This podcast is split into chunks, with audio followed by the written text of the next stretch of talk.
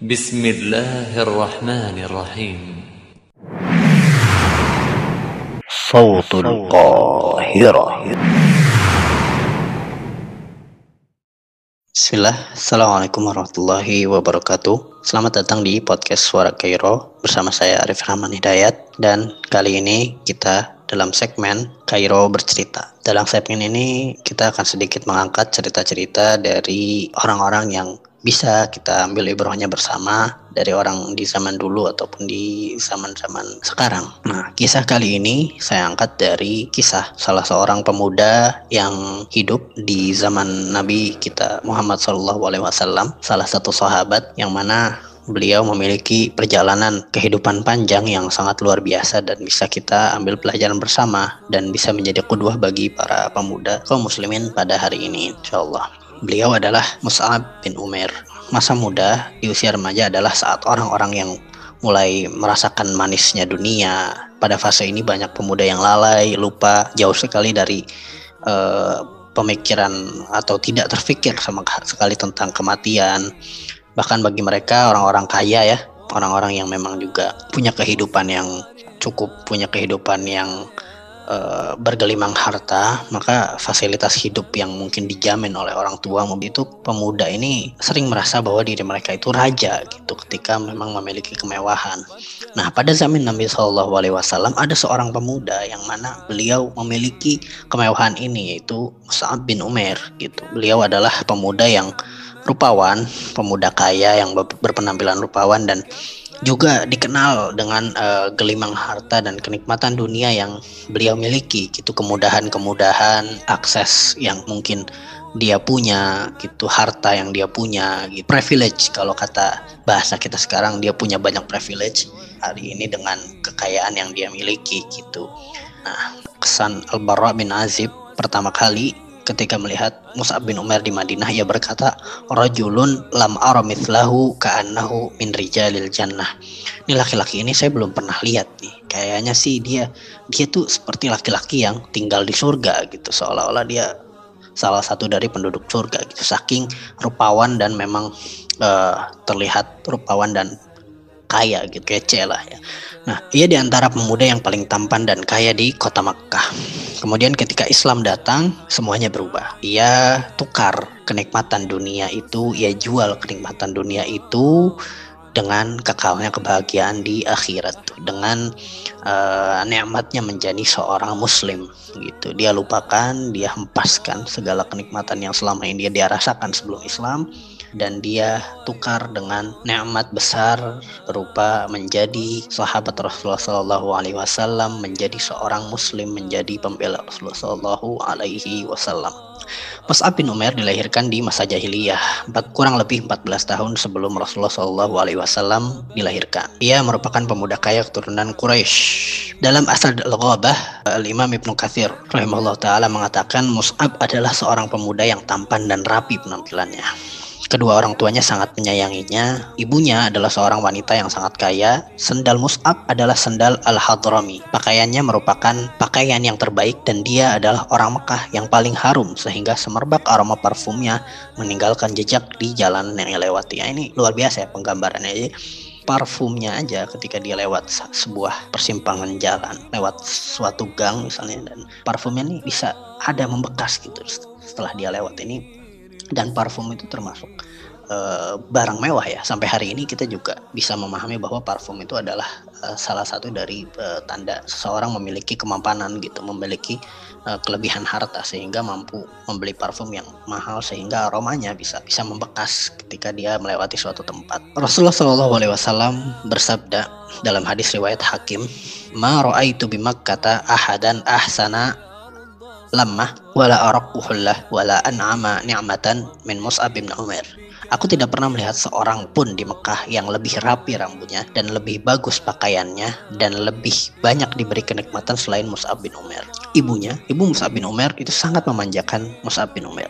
Sampai-sampai saat ia tidur, ia dihidangkan bejana makanan di dekatnya ketika ia terbangun dari tidur, maka hidangan itu sudah ada di hadapannya. Jadi Masya Allah, bangun tidur langsung semuanya sudah siap gitu. Semuanya sudah disiapkan tinggal disantap saja Masya Allah ini gambaran yang luar biasa dari kemakmuran yang dirasakan oleh uh, Mus'ab bin Umar Beliau adalah pemuda kaya yang mendapatkan banyak kenikmatan dunia, kasih sayang ibunya pun membuat ia tidak pernah merasakan kesulitan dalam hidupnya gitu dan kayak hidupnya terlihat selalu nikmat gitu selalu mendapatkan uh, kenikmatan dan kemudahan. Kemudian ia masuk ke dalam Islam, mendapatkan hidayah sebagai seorang muslim. Ketika intimidasi terhadap dakwah Islam yang baru saja muncul kian menguat, Rasulullah SAW berdakwah secara sembunyi-sembunyi di rumah Al Arqam bin Abil Arqam radhiyallahu anhu sebuah rumah yang berada di Bukit Sofa jauh dari pengawasan orang-orang kafir Quraisy. Namun Sa'ab bin Umar yang hidup di lingkungan jahiliyah, penyembah berhala, pencandu khamar, penggemar pesta nyanyian, Allah berikan cahaya di hatinya sehingga ia mampu membedakan mana agama yang lurus dan mana agama yang menyimpang. Mana ajaran seorang nabi dan mana yang hanya warisan nenek moyang semata. Dengan sendirinya ia bertekad dan menguatkan hati untuk memeluk Islam, untuk menjadi seorang muslim ia mendatangi Nabi Shallallahu Alaihi Wasallam di rumah Al Arqam dan menyatakan keimanannya, masya Allah. Kemudian Mus'ab menyembunyikan keislamannya sebagaimana sahabat yang lain untuk menghindari intimidasi orang kafir Quraisy pada masa itu. Dalam keadaan sulit tersebut, ia tetap harus menghadiri majelis Rasulullah untuk menambah pengetahuannya tentang agama yang baru ia peluk.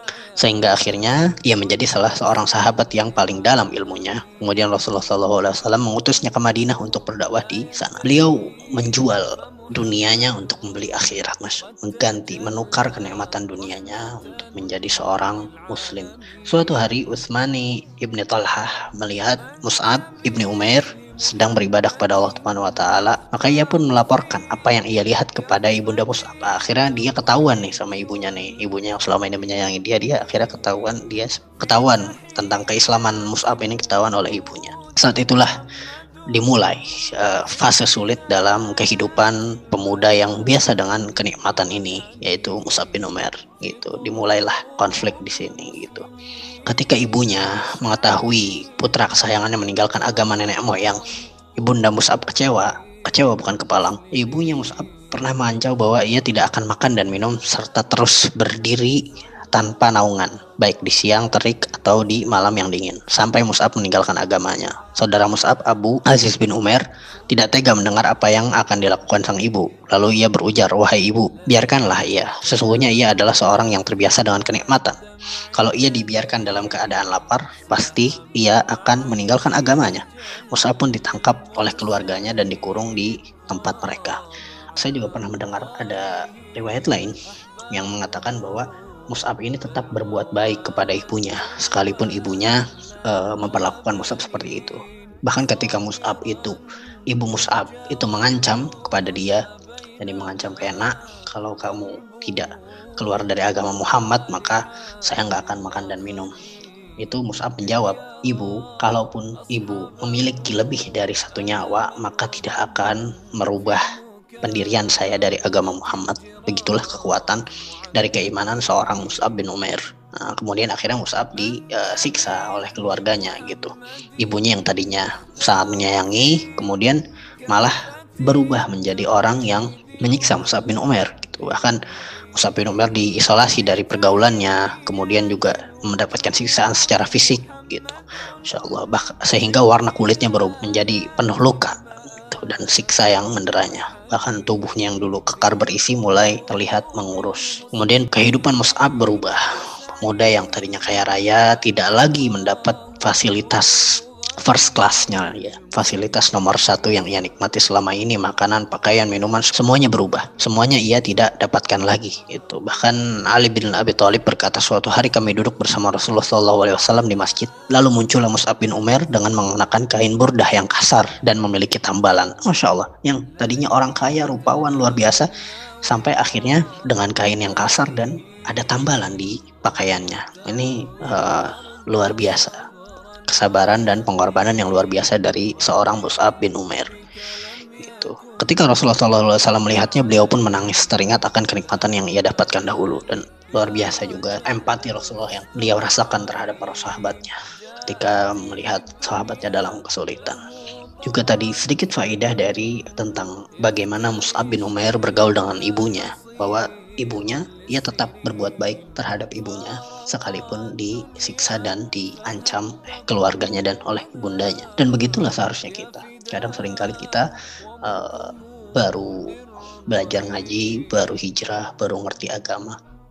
Itu menjadikan kita punya alasan untuk bermusuhan dengan keluarga besar kita, bahkan dengan orang tua kita, dengan ibu kita, dengan ayah kita. Ini ini hal yang tentunya tidak dibenarkan.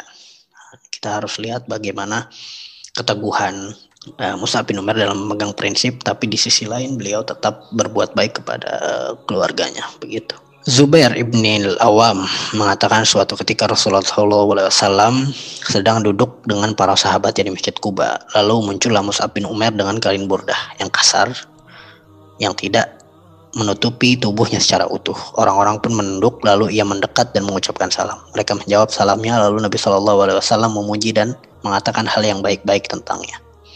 Dan beliau pun bersabda, sungguh aku melihat Mus'ab tatkala bersama kedua orang tuanya di Mekah. Keduanya memuliakan dia dan memberinya berbagai macam fasilitas dan kenikmatan. Tidak ada pemuda-pemuda Quraisy yang semisal dengan dirinya. Setelah itu ia tinggalkan semua itu demi menggapai ridha Allah dan menolong Rasulnya Shallallahu Alaihi Wasallam. Hadis riwayat Hakim.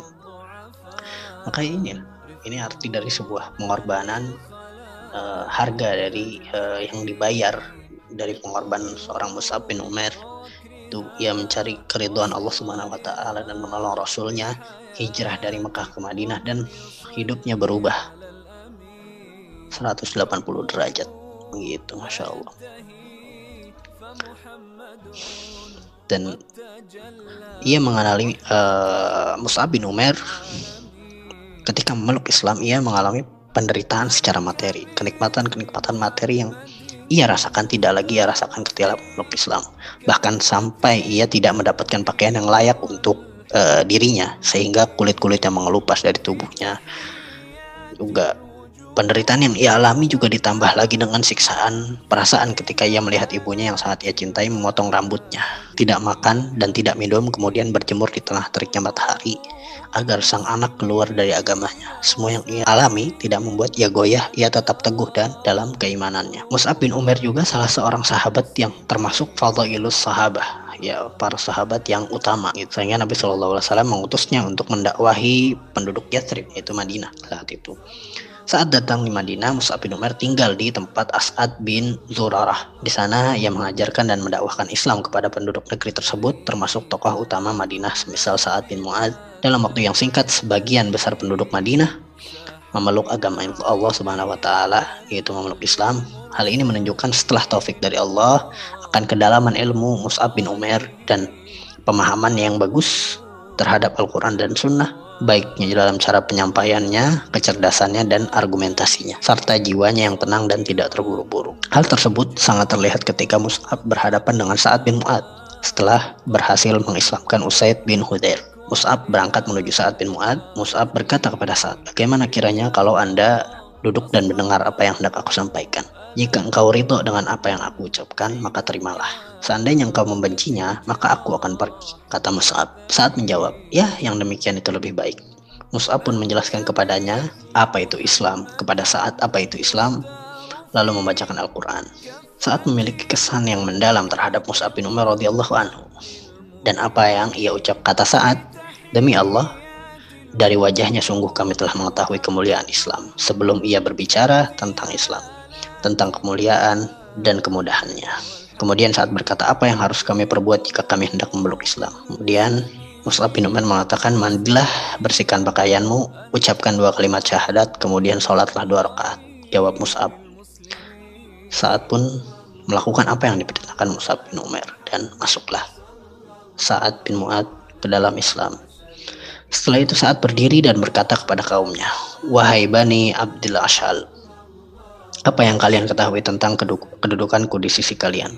Mereka menjawab, engkau adalah pemuka kami, orang yang paling bagus pandangannya dan paling lurus tabiatnya. Lalu saat mengucapkan kalimat yang luar biasa yang menunjukkan begitu besarnya wibawanya di sisi kaumnya dan begitu kuatnya pengaruhnya bagi mereka. Saat berkata, haram bagi laki-laki dan perempuan di antara kalian berbicara kepadaku sampai ia beriman kepada Allah dan Rasulnya.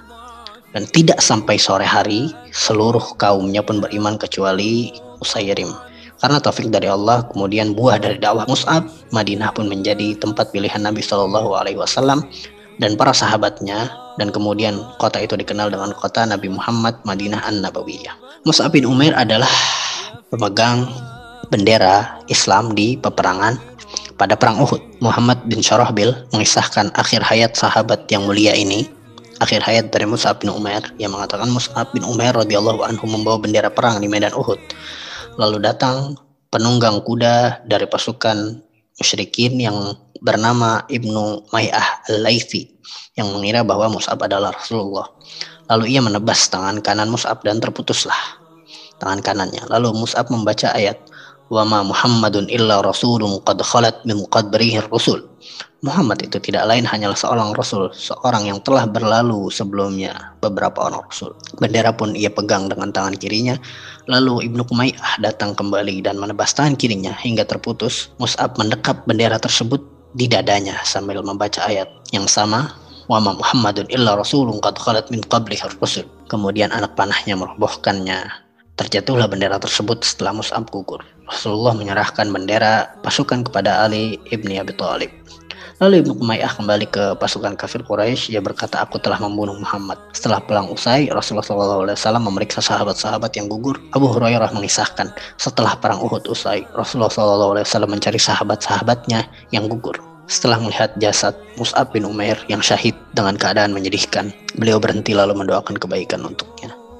Kemudian beliau membaca ayat minal mu'minina rijalun sadaqu ma'ahadullah alaih faminhum man qadha nahbah Waminhum man yang tadir wama baddalu tabdila. Di antara orang-orang mukmin itu ada orang-orang yang menempati apa yang telah mereka janjikan kepada Allah.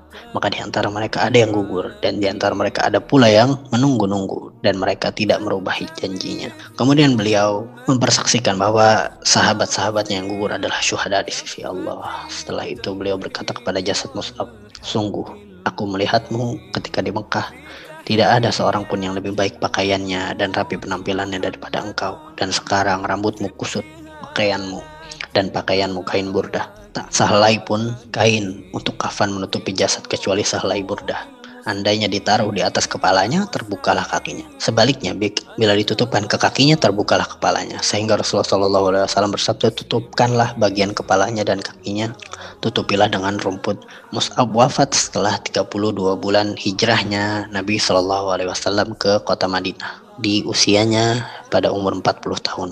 Di masa kemudian setelah umat Islam jaya, Abdurrahman bin Auf radhiyallahu anhu yang sedang dihidangkan makanan mengenang Mus'ab bin Umar ia berkata, Mus'ab bin Umar telah wafat terbunuh dan ia lebih baik dariku.